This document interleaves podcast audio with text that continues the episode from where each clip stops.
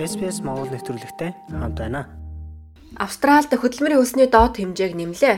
Ажилчид алга ташин хүлээж авсан бол бизнес эрхлэгчид таагүй хүлээж авч байна. The Fair Work Commission улсын хэмжээнд хөдөлмөрийн хөлсний доод хэмжээг тогтоох шийдвэр гаргалаа. За Австралийн 2.7 сая ажилчид 5.75 хувиар за мөн хамгийн бага цалин авдаг 200 мянган орчим ажилчид 7 дугаар сарын 1-ээс эхлэн 8.6% нэмэгдлийг авахар болж байгаа юм байна. За сүүдрийн засгийн газрын хөдөлмөр эрхлэлт ба ажлын байрны харилцааны сайд сенатор Майкл Кейш хэлэхдээ хөдөлмөрийн нам цалин хөлсийг нэмэгдүүлэх сонгуулийн амлалтаа биелүүлж чадахгүй байна гэж хэлж байгаа бол ногоо намын удирдагч Адам Бандит хөдөлмөрийн нам амжиргааны зардал нэмэгдэж байгаа энэ үед хангалттай шийдвэрлэх алхам хийхгүй байна гэж үзлээ. Харин хөдөлмөрийн намын хувьд чадах бүхнээ хийж байна гэж мэдэгдээд цалин багтаа ажилчдад инфляцийн эсрэг тэмцэхт нь туслахын тулд The Fair Work Commission хандсан гэлээ. Одоо комисс хөдөлмөрийн хөлсний доод хэмжээний талаарх сүүлийн шийдвэрийг гаргалаа.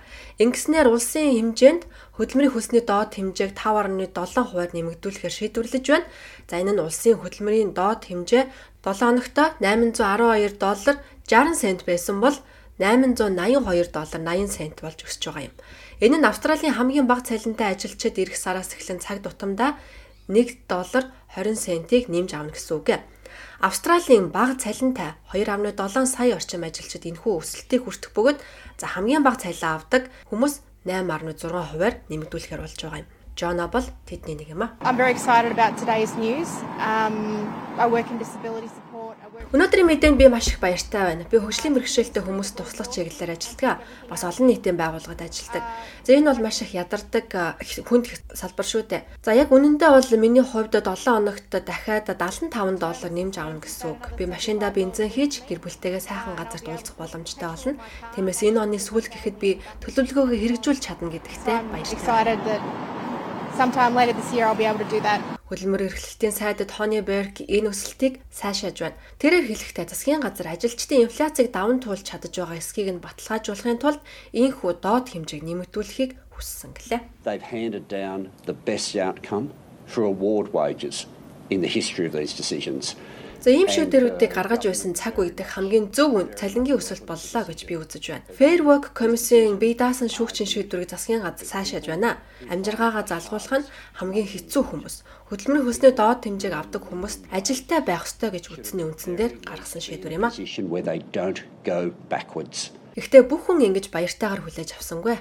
Австралийн худалдаа аж үйлдвэрийн танхим үүнийг жижиг бизнесүүдэд ирж байгаа том зохилт гэж нэрлэлээ. Тус байгууллагын CEO Эндрю Маккеллер хэлэхдээ энэ өсөлтөнд бизнес эрхлэгчдийг амьд үлдэхэд хэцүү болгоно гэлээ. This will add significantly. Uh,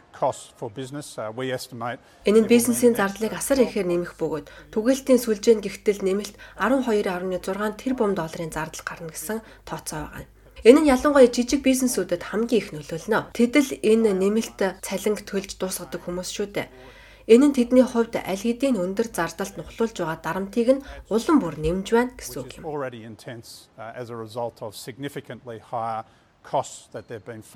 Эндрю Маккеллер хэлэхдээ цалингийн өсөлт инфляцийг өдөөж, үнийг өсгөж, улмаар зээлийн хүүгч өсгөж болзошгүй юм гэлээ. It seems abundantly clear this does add Энэ нь зах зээлд бизнес тулгарч байгаа дарамтыг нэмэгдүүлж байгаа нь маш тодорхой харагдаж байна.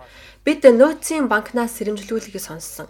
Цалингийн үнэлгээ хийж явах явцдаж маш тодорхой дохиог бид харж байсан. Хорооны ерөнхийлөгч өөрөө 4%-аас дээш өсөлт энэ эрсдлийг нэмэгдүүлнэ гэж хэлж байсан. За тиймээс энэ нь эргээд инфляцид нөлөөлөх эрсдлийг нэмэгдүүлж байна гэж бид хэлэх нь ойлгомжтой шүү дээ that this will feed back into inflation. Үндэсний жижиглэнгийн худалдааны холбооч энэ шийдвэрийг шүүмжилж байна.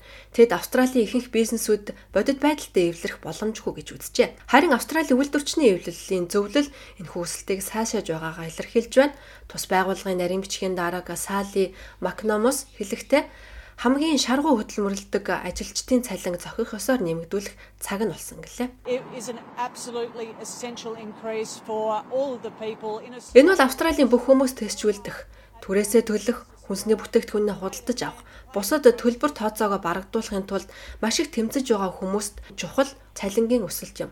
Тэд бол эдийн засгийг бүх талаар нурагшлуулж байгаа чухал хүмүүс орон нутгийн хаан хэрэглэгч эсвэл зарцуулагч байхаас үл хамааран бүх талаараа эдийн засгийг урагшлуулж байгаа хүмүүс. Австралийн нийт ажилчдын 20 гаруй хувь нь цалингийн доод хэмжээгээр цалинждаг бөгөөд энэ нь хамгийн бага үзүүлэлт юм. Иймээс энэхүү шийдвэр 3.3 хувиар буурсан бодит цалингийн бууралтыг буцааж чадахгүй. Инфляцийг өсөлтөнд дарамт үүсгэхгүй гэж ерөнхийлөгч Адам Хачер мэдгдлээ. We are confident that the increase we have determined Бидний тогтоосон нэмэгдэл нийт цалингийн өсөлтөд багахан хэмжээний хувь нэмрэл оруулж, улмаар суур үнийн өсөлтийг үсгэхгүй, үүнд хувь нэмэр оруулахгүй гэдэгт бид итгэлтэй байна. Гэсэн хэдий ч бидний тодорхойлсон цалингийн өсөлт нь өнөөгийн эдийн засгийн нөхцөл байдалд хамгийн үндэслэлтэй гэж бид үзэж байна. In the current economic circumstances.